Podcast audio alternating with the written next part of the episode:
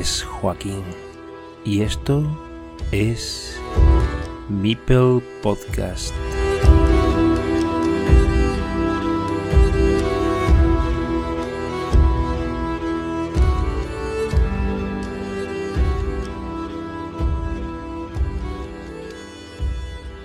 Hola, ¿qué tal? Bienvenidos. Nuevo capítulo de Mipel Podcast, nuevo invitado. Hoy conversamos con alguien que se encuentra fuera de España, pero como habéis podido comprobar, estoy hablando en castellano, lo que significa que nuestro interlocutor de este episodio entiende nuestro idioma. ¿No es así, Carlos? Buenas noches. Hola, Joaquín, buenas noches. ¿Qué tal estás? Muy bien. ¿Estás en Finlandia? Efectivamente, aquí estoy, por tres mesecitos. Tres meses. Cuestión de trabajo, me imagino. Sí, me he venido a hacer una estancia con, con mi trabajo, sí. Estupendo. Oye, estamos en mayo. Supongo que este, eh, pues este episodio lo pueden escuchar en cualquier época del año, más adelante incluso. Eh, y te voy a preguntar el tiempo que hace allí, porque aquí ahora mismo hace una calor bestial. Por lo menos en Sevilla. No, pues aquí todavía hace fresquete. Yo creo que ya empieza a mejorar el tiempo, pero hace un mes estaba, estaba el mar congelado. Vamos, está todo, todo lleno de nieve y todo. Pero vamos, ya, ahora ya no. Ahora ya parece que sale el sol. Muy bien. Eh, voy a situar a los oyentes porque ya digo que este podcast o este episodio lo pueden escuchar en otro momento y no sé si se va a acordar la gente que estamos inmersos en un momento político muy convulso en esa situación de Ucrania y en este momento incluso, ¿verdad? esto es una cosa que hago de pasada por si quieres comentarlo, pero Finlandia acaba de solicitar su entrada en la OTAN y aquí hay un, un pequeño revuelo con esto, no sé cómo se vive allí esa circunstancia. Pues sí, no, aquí la verdad es que todo, todo está normal de momento, vamos. Esperemos que por lo menos de aquí a julio siga así. Eh, no, yo no veo, no veo que haya mucho, mucho revuelo, la verdad. Ni siquiera entre mis compañeros de trabajo y eso no, no se comenta mucho, la verdad. ¿Te dará lugar a estar aquí por la época del Nacional, que sería el 10 de julio, o seguramente no estarás todavía Sí, sí, vuelvo el, vuelvo el día 1 de julio, ya está, eso ya está marcado. Ya sabía cuándo volvía antes de irme. Espero que sí, aunque no creo que me pueda clasificar, pero, pero bueno, para el de Catán sí que estoy clasificado, así que por lo menos vernos seguro que nos vemos. ¿Tienes doble afición entonces, Catán y Carcasón? Sí, también le doy al Catán, sí. The Beer Forever. Sí. Y bueno, te deseo que tengas una feliz estancia ahí en Finlandia el tiempo que, pases allí, que ya, ya te queda menos. Y oye, enhorabuena por la, por la victoria de ayer, que jugamos una partida muy emocionante. La primera la gané por un puntito y en la segunda, que estuvo también bastante igualada, me sacaste ese campo del que estuvieron hablando después ahí largo y tendido, pero metiste un muñequito ahí muy fresco, como dice Frank, y la verdad que fue imposible evitarlo. Y nada, pues la última sí, la última pegaste una paliza. O sea que muy merecida y, la partida, o sea, el duelo y enhorabuena. Muchas gracias, Joaquín. Yo la verdad es que la primera sí que sí que cometí algún fallito que encima luego viendo la, la transmisión de Juliano me di cuenta de que podía haber ganado si, si no lo llego a haber cometido, pero bueno. Y luego, pues sí, las otras dos, la verdad es que la última tuve un poquillo de, bueno, un poquillo bastante de suerte con el, con que no te saliera ninguno de los dos mazacotes con camino que quedaban. Y bueno, pues sí, al final, al final me, la, me hice con el encuentro, pero, pero vamos que estuvo súper reñido las, tres partidas, súper igualado. La verdad que, la verdad que sí, eh, y además tienes opciones para eh, no voy a decir ganar porque Miriam está intratable, pero eh, sí por lo menos para intentar quedar segundo para poder jugar la promoción, aunque todavía tienes hasta tiempo para, colocarte en primer lugar, pero bueno, quiero decir que tienes ahí todavía muchas posibilidades, ¿no? Bueno, tanto como muchas, no sé, pero vamos, sí, posibilidades hay. Y encima he visto que, que el que va tercer, vamos, los que van ahí conmigo se enfrentan entre ellos creo que esta semana o la siguiente. Así que bueno, puntitos que, que uno de los dos no hace. También tienes un encuentro con Manel muy decisivo. Y también, sí, eso es. Sí, parece que depende de, mí mismo. Sí, quedan tres partidas ahí, que no me, si no me equivoco, cuatro, y eh, también tú estás dentro del fregado. Sí, yo creo que Manel, por ejemplo, tiene, tiene tres, por lo menos tres encuentros complicadetes. Mm. Porque juega contra, bueno, contra mí, que, que estamos ahí, y luego contra Presmanes y contra Fernandet, creo, que también está entre los seis primeros o así, creo. Así que bueno, a ver, a ver qué pasa. Muy bien. Eh, voy a meter la cuña publicitaria de Oscar, que siempre sale en todos los podcasts o en todos los episodios mencionados. y te iba a decir que tú también eres pasiego, como, como el campeón de España, ¿no?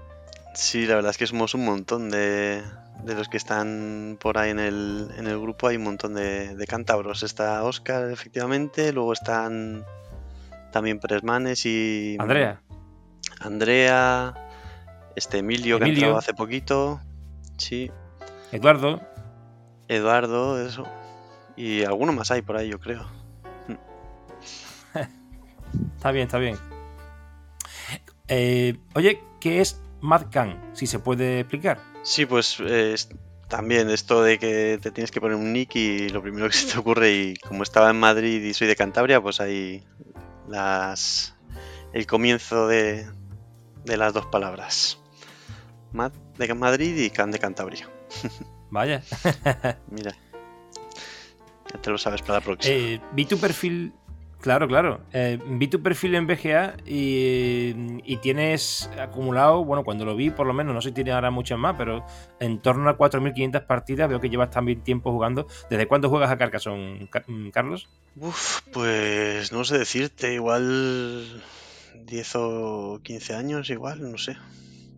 De esto de jugar eh, así para en clasificatorios y tal, como 10 años, creo. Ya llevo un Coño, pues bastante tiempo. Llevas tiempo. Sí, sí. He estado en unos cuantos nacionales. Vaya. Eh, ¿Y cuál es tu experiencia alrededor de esos, de esos nacionales que has visitado? Pues la verdad es que está muy bien. Yo me lo paso, me lo paso súper bien y, y es ahí emocionante y tal. Aunque hasta ahora siempre ha sido pues lo que ha comentado otra gente, ¿no? Que han que antes la primera fase era de, partidas de cuatro jugadores en vez de dos. Pero bueno, aún así a mí me gusta también jugar a cuatro, ¿no? Mm, es verdad que no es lo mismo para nada, pero pero bueno, tiene su tiene su rollo también. Mm. Y tampoco me he ido mal, así que. Y bueno, y con esa la gente se quejaba mucho. Sí, bueno, y eh, con esa dualidad, oye, ¿te gusta también el Catán? Con esa dualidad, ¿ha coincidido que algún nacional haya duplicado la, participación? Es decir, Catán el sábado y Carcassonne el domingo, que sé que se juegan de esa manera. Sí, sí, es que todos los años ha sido así. Sí, al final, aunque no estuvieras clasificado, o sea, bueno, yo creo que me he clasificado para los dos casi todos los años, pero si algún año no estabas clasificado para uno de los dos, podías te invitaban con, con si te clasificabas para uno te, invitaban al otro. Ahora ya no, pero, pero antes sí, sobre todo para la gente que venía de fuera y eso. Claro, si te vienes de Barcelona, pues ya aprovechas todo el fin de semana y juegas el sábado y el domingo. No, no vas a ir solo para, para un día. Bueno, la verdad que es interesante porque sí puedes echar partidas en los dos en los dos clasificatorios, pero vamos, si se supone que se va a profesionalizar un poquito en el sentido de que vamos a intentar, o se va a intentar que, que, entre en el, en el nacional aquellas personas que se han clasificado, vamos a llamarlo entre comillas legalmente, que no sea invitación solamente, pues sería interesante ver ahí solamente a los participantes que se han clasificado. Ahí, eh, si participas en los dos, sería un, punto, ¿no? Porque si te has clasificado directamente en ambos, es que tienes esa, bueno, esa capacidad y esa, eh, ese derecho. Sí, sí, claro. Supongo que este año lo que hagan, pues sobre todo con el tema del Carcassonne, el que no se clasifique, pues podrá ir igual al, a la versión familiar. Pero vamos, que no, no lo sé. Tampoco he hablado con Devis. Hay un internacional también en Catán, ¿no? Eh, sí, en Essen también, sí. Yo creo que es en... Ah, bueno, espera, no, no, perdón. El de el de Catán va aparte, sí. Sí, pero hay un hay un internacional. Mm. Que de hecho una vez es... También en la feria de Essen. No, no, es lo que te decía, que creía que sí, pero no. Yo creo que es... Eh, incluso en Estados Unidos un año y en Europa otro o algo así. No, no recuerdo, pero. Pero no, no es en ese. Vale, vale. Bueno, ¿qué te parece que vayan a incluir en PGA próximamente el Catán? Porque jugarás en la plataforma que juega todo el mundo de Catán, que es la, propia que han fabricado para, para ellos. Sí, la verdad es que tampoco juego tampoco juego mucho, ¿eh? nada no compara, o sea, nada comparado con Carcassonne, pero pero sí, las partidas que he jugado online he jugado en en Catan Universe, que es la plataforma oficial, sí. No sabía que, le iban a, que lo iban a implementar en, en la BGA, la verdad. Sí, salió una, un anticipo, una especie de noticia y la colocaron ahí en el... Un día la colocaron en el grupo, creo, si no recuerdo mal, en el grupo de Carcassonne Spain, en la comunidad. Lo colocaron ahí como diciendo, oye, que mira lo que van a, a poner. Y, era una de esas noticias que saca BGA de que próximamente pues, se va a implementar. Pues no, no sabía. la verdad ya vas a tener ahí una. Sí, no, no. Que digo que vas a tener ahí la oportunidad de, de disfrutar de, ambas, de ambos juegos. Sí, más, más juegos para el vicio. eh, ¿Por qué te saliste de Carcassonne Spain Asociación? Quiero decir, de la cúpula, de como, llamo, como la llamo yo. La cúpula. pues a ver, un poco por principalmente porque había ya estaba entrando más gente y bueno pues consideraba que ya tampoco estaba aportando demasiado y como ya había mucha gente pues pues dejar paso a otros no que vengan con más con más ganas. Y luego pues también pues por pues porque había cosas las que no estaba muy de acuerdo y pues tampoco me apetecía entrar en mucha polémica y, y pelearme y tal. Mira prefiero que lo hagan a su forma, que, además lo están haciendo súper bien. Y yo mantenerme un poco ahí al margen y, disfrutar de, lo que organizan, que, está genial, la verdad. Mm, o sea, como mantenerte un poco al margen de la organización, por alguna discrepancia en general y porque también a lo mejor pues por tu tiempo, por tus circunstancias laborales, pues no está, no tiene, no tienes todas contigo entre comillas, pero también por alguna discrepancia, pero en cualquier caso prefieres en esta situación pues participar y, no formar parte de la organización como venías haciendo y más viniendo gente de fuera que también puede aportar más cosas, ¿no? Es lo que vienes más o menos a, significar. Efectivamente, efectivamente, lo has explicado mejor que yo. no, no, es por hacer un resumen. Vamos, sí, sí, sí. No, eso es. Está bien. Mm hay que respetarlo y no hay que profundizar, no hay que profundizar siquiera en nada de eso. Solamente era una pregunta, así que no le damos más, valor que, el que le has dado tú por la, por respuesta. Así que muy bien, muchas gracias. Y bueno, quería preguntarte, oye, llevamos ya casi medio año de apertura de la comunidad. Estamos acabando la primera edición de la liga y llegados a este punto, ¿qué esperas de Carcassonne Spain y de la liga que lleva su nombre? pues a mí me gustaría que tuviera continuidad, ¿no? A ver, a ver cómo, cómo transcurren las siguientes ediciones y si la gente sigue animada o ha sido una especie de boom y luego se va borrando la gente, pero yo creo que no, yo creo que por lo menos tal como está ahora, con tres divisiones, que me parece que es un número que está genial, la verdad. O incluso si se quedara en dos, yo creo que estaría también muy bien. Pues mm, yo creo que sí que se puede mantener ahí. A ver qué tal, a ver, unos añitos, ¿no? A ver, no sé. Bien, y viendo eh, tu historial, que llevas mucho tiempo jugando a Carcassonne y que, y que además ha ido a nacionales, incluso al de Catán, eh, ¿cuáles son tus prioridades de vida, Carcassonera? ¿Divertirte, ir a un nacional otra vez? ¿O subir el nivel individual? ¿Simplemente conocer gente en la comunidad en persona? No sé. Sí, yo creo que está un poco todo, todo unido, ¿no? Yo, desde luego, si, no me voy a divertir, no, no voy, ¿no? O sea, no me voy a dedicar a esto, obviamente. Con lo cual lo hago principalmente por divertirme, hombre. Luego, además, pues, obviamente quieres jugar bien e intentas mejorar tu nivel, pero, pero mi principal objetivo es divertirme.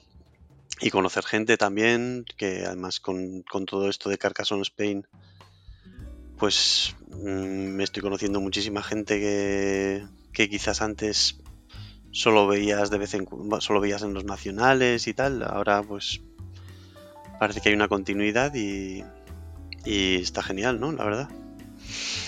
Eh, ¿Tu rollo va más por el juego básico o también te apetece jugar a las expansiones en alguna ocasión, aunque sea presencial o simplemente en BGA? No, yo solo juego al, al básico. De hecho, alguna vez me he metido en algún torneo con expansiones y tal y...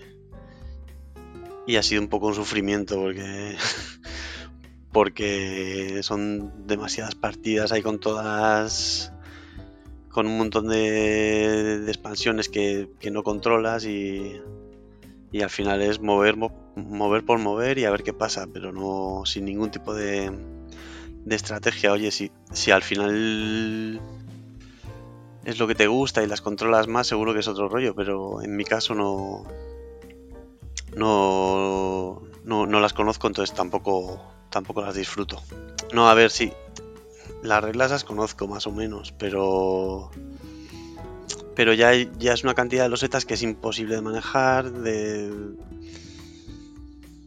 Mm, encima, pues eso, cuando me he apuntado así a un torneo que son 10 partidas a la vez y, y, ya estás totalmente fuera cada vez que te pones a mover en una, yo no, sé, no, me sitúo en la partida, vaya, no es como las, las del juego básico que más o menos, además siempre juego, suelo jugar online, no juego por turnos, entonces es otro, otro rollo totalmente distinto, yo creo.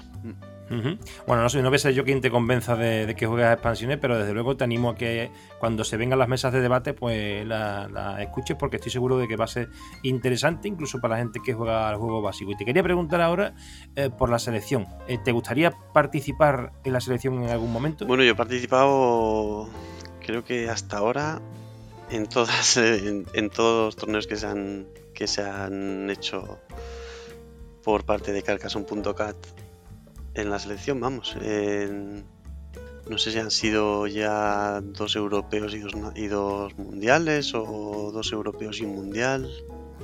No estoy seguro, pero vamos. Que hasta, hasta esta última que no me clasifiqué, he estado, he estado en todas. Y sí me gustaría, me gustaría repetir, claro.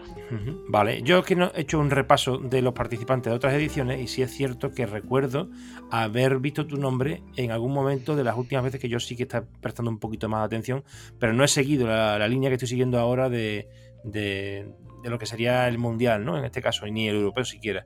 Entonces, bueno, pues no estaba muy al tanto y te he hecho la pregunta sin saber que habías participado ya con anterioridad o, no, saberlo con, certeza. Pero claro, eh, en realidad, eh, como supongo que Carcassonne Spain procede de una idea conjunta de esos jugadores que formáis parte de la selección, o una gran parte de ellos al menos, eh, pues supongo que se ha eh, legitimado la idea de que sea Carcassonne Spain o vosotros, los jugadores que habéis participado, eh, quienes modelen cómo se va a confeccionar a partir de este momento la, la selección. Y bueno, en el formato en el que se hacía antes, que no es el que se va a hacer ahora o el que se está llevando a cabo en este momento, pues hay gente que a lo mejor participa en otras ediciones que ahora se ha quedado fuera. Y bueno, supongo que será una cuestión de, una situación en la que se va de un, paso a otro, en el que antes no se estaba muy organizado o había una organización intermedia en lo que se podía llevar a cabo, entre comillas, y ahora que está más organizado en supuestamente este espectro de jugadores, pues se está llevando de otra forma, no sé. Sí, a ver, desde... Mm, pues no sé si Íñigo... Eh Íñigo, David y yo, yo creo que hemos estado en todas las ediciones de... No estoy seguro porque yo creo... Bueno, David yo creo que en la última se quedó fuera, pero vamos. Sí, eh, eh, sobre todo Íñigo, que es el que, el que inició yo creo todo esto de la asociación, también, también estaba en las otras elecciones. Y a ver, lo que dices de legitimar o no legitimar, pues es que es una cosa que yo siempre lo he pensado. Es que realmente en eh, lo del mundial y, el europeo y tal, es una cosa que se montan los de Carcassonne.cat y que realmente no, no hay nadie que oficialmente sea el representante del equipo español ni nada de eso. O sea, tú si vas con tu con tu equipo de 8 jugadores y los inscribes antes que, que yo, pues pues tú eres la selección, vaya. O sea, no, no, no hay. No hay como un representante oficial, o no lo había antes, vamos. No sé si ahora. Ahora supongo que, que ya conociendo la comunidad y tal, pues, pues si alguien se intentase apuntar, nos consultarían antes, pero pero antes pues no, no había eso, era como el primero que se apunte con su equipo, pues, pues para allá que va. Claro, no hay una instancia federativa porque todo esto procede de una empresa. Entonces, evidentemente, no hay una base reguladora de juego que estandarice el formato. Pero bueno, de alguna forma, a lo que me venía a referir es que, igual que Carcassonne Brasil, no se pregunta nadie nada. Pues aquí nos lo preguntamos todo muchas veces, pero era un poco la, alusión al hecho de que ahora esos jugadores que formaban antes parte de la selección que lo habían conformado al grupo, pues no sé, como dijo en una ocasión también Estroncio, no sé si fue David Escribano, fue, lo dijo creo en la entrevista, pues que era un poco así a dedo o simplemente hacían un, eh, un pequeño torneo pues se sacaba de esa manera los jugadores y a lo mejor pues habéis participado muchas veces una serie de jugadores ahí y ahora que se ha formalizado todo un poco más, algunos se han quedado fuera a lo mejor algunos porque no han participado, pero otros porque no han conseguido clasificarse. Se ha hecho un poco más formal, entre eh, comillas. Eh, a dedo no ha sido nunca, o sea, se hacía un torneo. Otra cosa es que no estuvieran de acuerdo con el formato del torneo o lo que sea. Pero se hacía un torneo y, se quedaba gente fuera antes también. David, por ejemplo, en el último europeo no entró. O sea, mm, no es que fuera un yo me monto mi equipo y tú, tú, tú y tú forméis parte de él. No, se, hacía, se intentaba hacer de una forma objetiva y con, y con un torneo clasificatorio. Otra cosa es que al final un torneo clasificatorio pues pues no deja de ser también un poco de tener suerte y ganar. O sea quizás no se hacía tan tan tan exhaustivo como el como podría ser el formato de ahora con, con una temporada de arena o con una liga a partir de ahora o tal. Pero torneo clasificatorio sí que se hacía Bien, pues yo aprendo también de este podcast. El, propio entrevistador se entera de, muchas veces de estas cosas también, pues evidentemente con, la, con las entrevistas a, los participantes. Por eso me resulta interesante también todas estas entrevistas a mí, igual que a la gente que está enganchada a él. Y quería preguntarte también por tu pronóstico de cara a las eliminatorias siguientes, si es que pasa a España, que te parece que tiene viso, aunque todavía quedan partidos, ¿no? Por delante. Pero bueno, ¿qué, ¿cómo ves tú a España para próximos... Eh, eh los próximos eh, eh, partido y para las posibles pues eliminatorias. han empezado súper bien, la verdad. Han dado el sorpresón contra Brasil. Y, y nada, yo, yo confío en que, en que se clasifiquen, seguro. A ver qué tal se les da contra China, que parece que están ahí de tapados. Que creo que es el próximo partido, ¿no? Sí. Y, y a ver, a ver. Pero vamos, yo, yo creo que tienen bastantes posibilidades. Al, desde luego, yo creo que los que son los más fuertes, que son Brasil, se los han ventilado con un 4-1 además, sobrados. Así que, genial. A ver, a ver qué tal. Hoy, hoy he jugado contra, contra Lesiv. Y y le he dicho que sí, que, sí, que sí había visto los resultados de España y y no, no, no los había visto. Cuando le he dicho que habíamos ganado a Brasil, joder, se ha quedado alucinado. Sí. De piedra, sí. Sí, la, realidad es que la alineación de Brasil es buena. Y en cualquier caso se quedan jugadores fuera que son también muy, muy potentes. Todos son eh, reconocibles en arena porque juegan muchísimo. Y lo curioso es que en la previa a este mundial hubo un amistoso con ellos, que coincidieron que quedó una última partida, si no recuerdo mal fue Zocanero contra Guetta Ruda, y además íbamos 2-2, y ellos iban 1-1 en, la, en, las partidas, quedaba una partida y se decidió, pues por una mayoría que tenía ahí de Mipels Guetta Ruda, que utilizó para puntuar un poco más y se sacó unos pocos de puntos más que, que David Cobo Zocanero, o sea que fue una partida muy disputada y quedó un 3-2 final, pero este 4-1 es muy potente, incluso la persona que empezó ganando, que fue Oscar, terminó perdiendo 1-2 en su duelo. Pero, pero que decían que podían haber quedado incluso 5-0, o sea, una barbaridad contra Brasil. Pues sí, fíjate. Eh, bueno, eh, vamos a otra cosa. ¿Cuál es tu debilidad como jugador? Porque siempre pregunto por el estilo de juego y en esta ocasión quiero preguntar por el talón de Aquiles del entrevistado. En este caso, ¿qué es lo que a ti se te da peor dentro de una partida competitiva de Carcassonne? Pues a ver, yo creo que el tema de los campos no siempre entra un poco tarde. Pero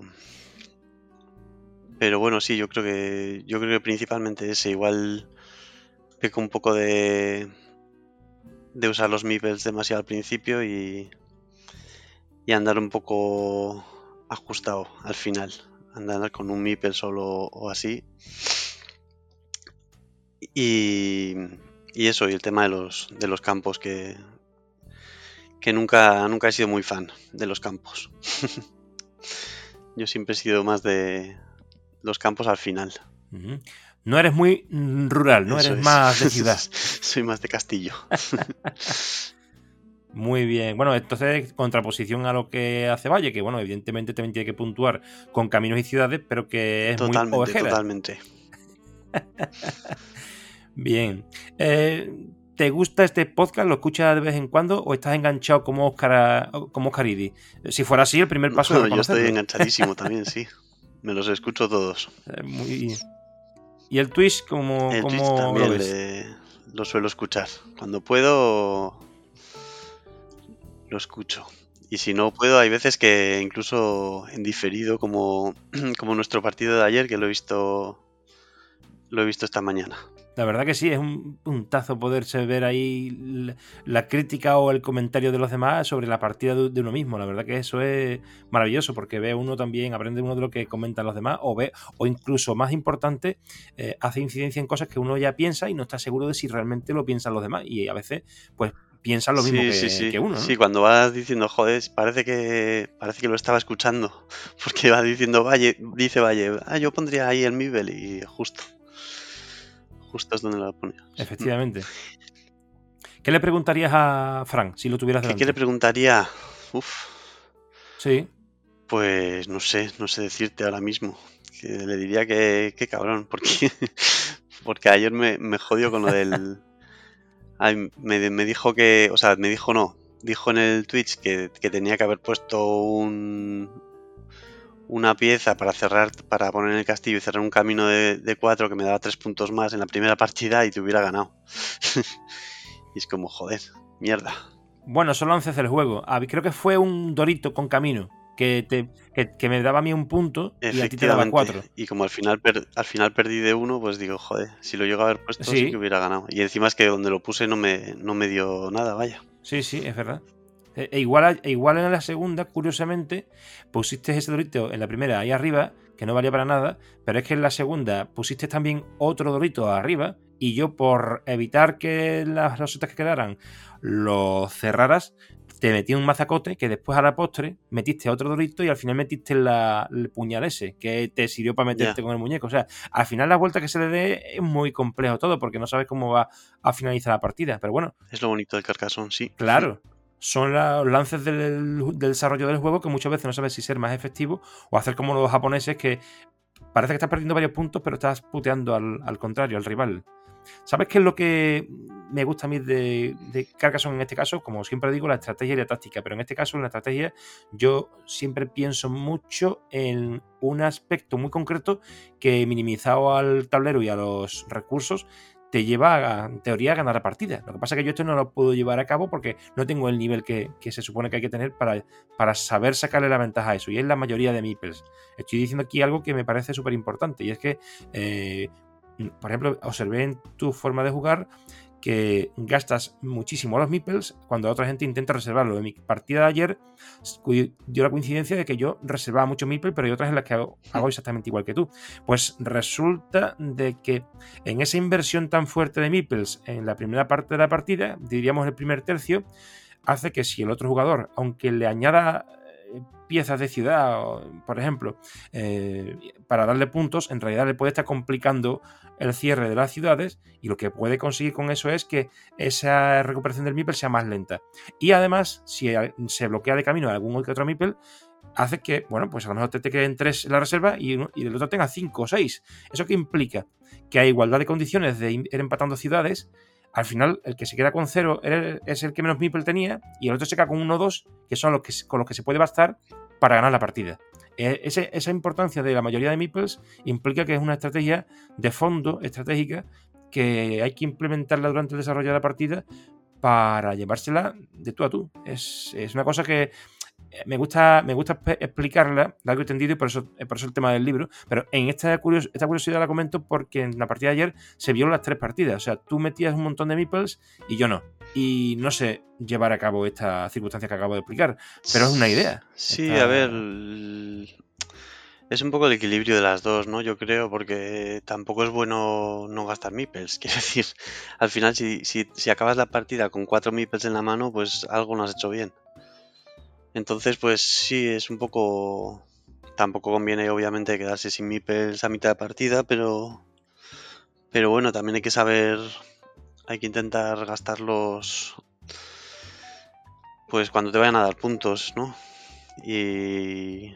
Y depende en qué situaciones de la partida, pues... Pues te puedes gastar uno que sabes que no vas a recuperar, pero bueno, si te va a dar 6 puntos al final, pues...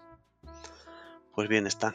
Obviamente, no hay que reservarse los MIPEL por reservarlo, pero venía a referirme al tema de la, eh, de la practicidad, ¿no? De ser pragmático, como decía muchas veces Alfonso, intentar evitar invertir MIPELs de lenta recuperación, sino en ese sentido, pues por eso te. Ya, pero por eso, pero por eso te estoy diciendo que, que bueno, intentar invertir MIPELs de lenta recuperación, quizás al principio, pero al final, pues si te van a dar unos puntos porque al final puede ser que, llegue un punto de la partida que, no te dé tiempo a gastarlos, porque vas poniendo ciudades de dos y tal, y te, te vas a quedar con, con cuatro meeples. Ayer no sé con cuántos te quedaste de una mano, pero, pero yo creo que sí que te quedaste con, con alguno. En la, en la segunda partida eh, hubo un comentario de, creo que fue que me dijeron que me había equivocado, no había contado bien, y Luis tuvo la certeza. Dice, no, no se ha equivocado, ha contado porque le ha cerrado, le ha bloqueado el camino de la entrada del Mipel. Claro, yo puse uno abajo dijo Luis que podía ser un poco por nerviosismo, pero la realidad fue la siguiente. Lo que está diciendo, que está diciendo que tenía tres meeples, que daban seis losetas, y lo que hice fue simplemente invertir un meeple donde lo podía poner, porque no sabía dónde ponerlo. Y digo, voy a poner uno aquí para coger tres puntos, pero es que tenía que meter los tres meeples donde fuera. Y después resulta de que, claro, me salió arriba una ciudad que tú habías colocado para colgarte, y lo que hice fue coger otros cuatro puntos y después metí otro con un campo. Pero claro, me sobró un meeple ahí. Me sobró un meeple y en la otra parte siguiente, la tercera, ya ni la, ni la recuerdo, pero no, no la he revisado esa parte del Twitch no lo he visto, pero venía a referirme a, darte la razón en ese sentido, pero evidentemente en la parte final sí, hay que meter los nipples, todos donde sean, a coger puntos. Yo creo que a la partida a la que te refieres tú sí que es la tercera. ¿eh? No, no, la, del robo del campo tuyo de 21 puntos que me ganaste por 4 puntos, esa es a la que me refiero. La, última no la, llegué, a ver. Eh, ahora te voy a preguntar, para ir finalizando, ¿qué cambiarías o qué añadirías a las retransmisiones de, de Twitch? Si hay algo que todavía que tú echas en falta o que se pudiera añadir más adelante. Pues yo creo que estaría guay que cuando hablan dos o tres, ¿no? Que hay veces que está Valle, hay veces que está Íñigo, Zocanero o tal, pues que se viera también su cara, ¿no? Que se pudiera poner como, como los dos su vídeo también, aparte de, de oír su voz, pero bueno. Y, nada, y participar ahí, que haya, que haya más invitados, ¿no? Que normalmente pues siempre está mm, Juliano y, y Valle y tal. Pues yo creo que se pueden se pueden hacer de tres o cuatro, no solo de dos, ¿no? Pero vamos, que están está genial, ¿eh? La verdad es que igual luego si hay más si hay más gente retransmitiendo se, se solapan o tal, igual el número el número con el que trabajan ahora está, está bien, no sé.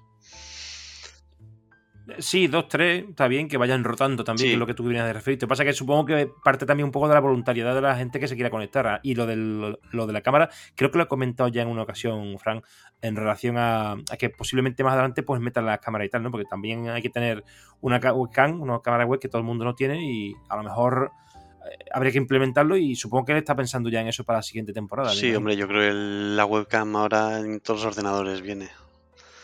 No creo que sea problema. Mm. ¿Y qué, qué añadirías al podcast? Si hay alguna cosa que te reservas para decir, pues yo mejoraría o haría, o haría esto. Pues la verdad es que no, no lo he pensado, pero Hombre, es que ahora tal como lo tienes enfocado, ¿no? Es solo, solo entrevistas, de momento. Pues igual se podía hacer también otro tipo de contenido, no solo entrevistas, no sé. Igual comentar algún tipo de, de estrategia o algo, no sé. La verdad es que habría que pensarlo. Se vendrá, se vendrá. Sí, porque tenía pensado el tema de las expansiones con la mesa de debate que va a ser muy distinta de lo que venía haciéndose ahora con el modelo de las entrevistas. Y esto se inició un poco por la comunidad, en realidad. Y fue ese guiño a la comunidad que ha salido muy bien porque a la gente le gusta, evidentemente. Pero inicialmente estaba pensado como estilo monólogo para iniciar un poco a la gente que viene al mundo Carcassonne pues a explicarle todo esto. De hecho, hay un episodio que es el primero que viene en relación a este modelo que inicialmente quería implantar, pero eh, lo de la entrevista lo ha copado todo. Pero bueno, eh, tenía el sorteo este del el sorteo este de, de inicio del, del Mundial, donde se supone que explico un poco cómo funciona para quien no lo entienda, y habrá un resumen final, porque quería hacer uno por semana, pero tiene poco sentido, porque tiene un seguimiento en Twitch y después se ponen los resultados, ¿de qué vale a lo mejor hacer un resumen de dos minutos sobre cómo han quedado los, partidos? Claro, es, que es interesante, ¿eh? Pero al final, al, tener al no tener vídeo, ¿no? Al ser solo audio, pues como que es más complicado quizás, ¿no? Que el canal de Twitch, por ejemplo, el de de Juliano tal, es más complicado hablar aquí de estrategia sin poder ver las losetas. Claro, es un poco más complicadillo. Eh, en ese sentido, sí. Pero como resumen, por ejemplo, de los partidos, pues puede ser interesante. Pero al fin y al cabo es como un resumen breve que tampoco tiene mucho sentido. Yo sí haré un resumen al final del, del Mundial para poner un poco todo en orden, cómo ha sido y demás, y sería interesante, pues como evento radiofónico hablando del tema, no evidentemente de las losetas, pero bueno, eh, lo tengo aquí apuntado y voy tomando también yo nota de, las cosas que me vais diciendo, tanto por el Telegram como por aquí, que esto no lo he preguntado antes a nadie.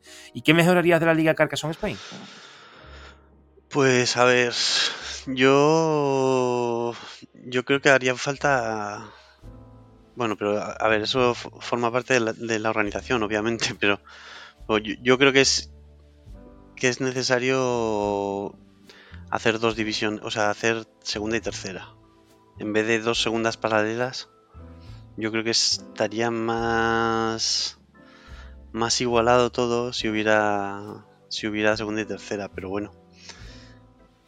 Tiene sus ventajas y tiene sus inconvenientes también, supongo, pero a mí me gustaría que hubiera una segunda y una tercera. Ah, bueno, supongo que la gente que entraría nueva entraría por ahí, pero ¿a quién bajas tú a tercera de los que están en segunda? Sería complicado. A no ser que subas gente de segunda y el grupo de segunda sea más grande y sea unido. No, en vez de. ¿cómo, a ver, ¿cuántos, cuántos somos en, en las dos segundas? Creo que entre total puede haber 30 o 30 y algo, ¿no? Si tú subes dos o tres para que haya 20 o 18 en primera y se queda la cosa en 26, 27 eh, o 25, pues supongo que esos 25 podrían jugar en segunda, aunque sea un poco complicado. En vez de hacer una liga, haría un, no sé, un suizo. que no sé, no, no, sabría decirlo. No sabría especificar cómo sería la mejor manera. Pero claro, tendrías que la evaluación casi de bajar gente de segunda a tercera. ¿Cómo hace eso? Claro, a ver, lo que yo decía es, pues, mm, si estamos ahora 30 personas en segunda, pues los 15 primeros en segunda y los 15 últimos en tercera. No. Ajá. No. Vale, bueno. Vamos a dejarle que se coman el coco en la organización. Bueno, eh, pregúntame tú a mí algo. El entrevistado pregunta al entrevistador. Sé que eso es una de las cosas que estamos llevando a cabo en los últimos episodios. Pues te permito que me preguntes tú a mí algo. que te pues, A ver, ¿cuál ha sido tu. De, las que llevas hechas, ¿cuál ha sido tu entrevista preferida? La que más te ha gustado hacer. La, entrevista que más me ha gustado hacer. Eh, vaya, me pones una tesitura porque me han gustado todas y cada una tiene algo especial. Te diría, por la forma en la que se grabó, por la, los argumentos que dio, por la manera en la que entendí que todas las preguntas fueron respondidas de la manera más, más exacta como yo entendía que tenía que responderse, sin saber lo que iba a responder, evidentemente, la persona. Todo bien argumentado, no sé, lo vi así, ¿no? La de Oscar, la de Oscar Agudo Oscaridis, creo. Y no voy a poner ninguna de las que hago en inglés porque me cuesta muchísimo trabajo. Y para mí no son las mejores porque no puedo hacer un feedback correcto en esas entrevistas. Tengo que hacer la entrevista ya preparada, con respuestas, con respuestas y todo, porque no me no, navego bien por el inglés. Entonces la hago con bastante esfuerzo, la persona me responde. En este caso han sido solamente tres hasta ahora, pero ahí no puedo anteponer las que hago en español, evidentemente. Y de todas las que he hecho, para mí una, la más importante, de luego, no, no ha sido la de Oscar, ha sido la de Luis, que ha sido la primera, sencillamente porque es con la que inicié toda esta serie de entrevistas Ayudó también, por supuesto, evidentemente, pero era importante porque por situar eh, Carcassonne, eh, Spain, y por porque la gente que no, que no viene de, de Carcassonne, Spain, sino que viene de fuera y se ha añadido después, pues sepa un poco de qué iba la cosa, ¿no? Para mí, la importante de verdad, desde mi punto de vista, ha sido la de Luis, para, para mí. Pero todas han sido bonitas e importantes y todas han sido curiosas y me ha encantado toda. Héctor, por ejemplo, tiene una labia impresionante, pero claro, en la temática de la que hemos hablado ahí, mayormente de expansiones sobre todo, a todo el mundo no le gusta. Y aquí eh, Héctor se explaya que da gusto. Es una persona maravillosa, de verdad. Pero, eh, sinceramente, importante para mí la de Luis y, una entrevista que haya salido yo, eh, no sé, bastante contento o fortalecido por la, como me ha gustado cómo ha respondido esa persona, sin duda la de Oscaridi. Y me ha encantado también la de David como Me han encantado todas. Pérez es una persona muy curiosa, sabe muchas cosas. Eh, se podrá estar de acuerdo o no con él en muchas historias, pero es una entrevista que para mí ha sido muy importante. Voy a focalizar. Eh, importante para mí, sin duda, la de Luis. La que más me ha gustado, Oscar. Pero la de Pérez es importante no para mí, para la comunidad. Y, quien lo quiera entender, que lo entienda. Totalmente de acuerdo estoy. Eh, seguimos. ¿Tu loseta favorita? Eh, el divorcio. Sí, sin duda. Vale. Ha habido muchos argumentos sobre eso, no te voy a preguntar por qué, porque es muy evidente. ¿Expansión preferida? Expansión si te gusta una expansión. Aunque sea la del río. Pues no sé decirte la del. ¿Cómo se.? La, la del monigote grande, ¿cómo es? ¿Cuál es? Sí, la de, Posadas, y Catedrales. Hmm. Es, la, expansión, como decía Héctor, es la expansión más lógica dentro del, dentro del juego básico, porque son las losetas que le faltan al juego básico, aunque le falta alguna más, pero bueno, es lo más, lo más sensato porque además no, tiene que explicar mucho, simplemente lo del tema de la catedral y las posadas, bueno, pues que aumenta el valor o se queda en cero si no la cierra, ya está. Y el Mipel grande, que eso vale por dos. le, da un, le da un rollo distinto al juego y está bien. Otro juego en VGA que no sea Carcassonne, pero tampoco Saboteur ni el Potion, ese que juegas tanto por ahí, que te he visto. Pues el. bueno, puedes elegir el que quieras, ¿eh? era, por putear. El, el Russian Railroads. ferrocarril de rusos. Vale. Está muy bien. Bien. Juegazo. Otro juego fuera del catálogo VGA. Pues a ver, y también me vas a poner un, un veto al terraforming o no? no, yo no te pongo veto al terraforming. Hay gente que ha dicho que como ya se ha repetido tanto, pues... Efectivamente, es un juegazo, pero, pero se ha repetido ya bastante. Pues el otro de, otro de tren es el, Aventureros al Tren, también está, está chulo. Y el Twilight. Eso lo, tienes. físicamente. Mm. Ese físicamente sí lo tengo, sí. Muy divertido. Pero vamos, me lo, he comprado por Steam y tengo varias versiones de, él. Lo que pasa es que nada más que he jugado al, al, de Europa, pero bueno, tengo alguna más. A mí ese me gusta jugarlo físicamente, o sea, en persona. Porque, por ejemplo, el, el, Terraforming más, pues a mí casi que me gusta más online, porque eh, cuando lo juego en persona lo que me pasa es que no es imposible llevar el control de las cartas que van saliendo a cada uno y los puntos que tiene cada uno. Y en online pues lo ves todo, lo ves... Entonces, en cuanto a eso, en cuanto al terraforming, por ejemplo, me gusta más me gusta más online. Y otro que me gusta mucho también el Twilight Struggle, que también me gusta más jugarlo online que en persona. Muy bien. Eh, ¿Has pasado por Carcassonne de camino a Finlandia? Mm, pues no sé si el avión pasaría por ahí, pero vamos. La pregunta estaba hecha 3D, pero bueno, al fin y al cabo la pregunta era si había, si había estado en Carcassonne. No ha estado. A ver si. Sí, sí, sí, la verdad es que. que me gustaría. Me gustaría pasarme por allí, pero de momento no, no ha surgido la, oportunidad. Muy bien. Bueno, Carlos, allí es UTC más 3 ahora mismo. O sea que aquí estamos en Canarias y aquello fuera España.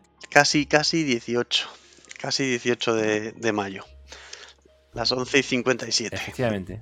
Bueno, pues vamos a cortar ya, que es un poquito tarde para ti también, y gracias por compartir tu tiempo aquí en Mipel Podcast. Ha sido un placer, Carlos. Muchas gracias, Joaquín. Un abrazo. Chao, chao. Muy bien, y a todos los oyentes, eh, bueno, pues nos vemos en el próximo episodio. Un mensaje de ánimo para Óscar Agudo, que venga, que te, todo se sale. Óscar, bye bye.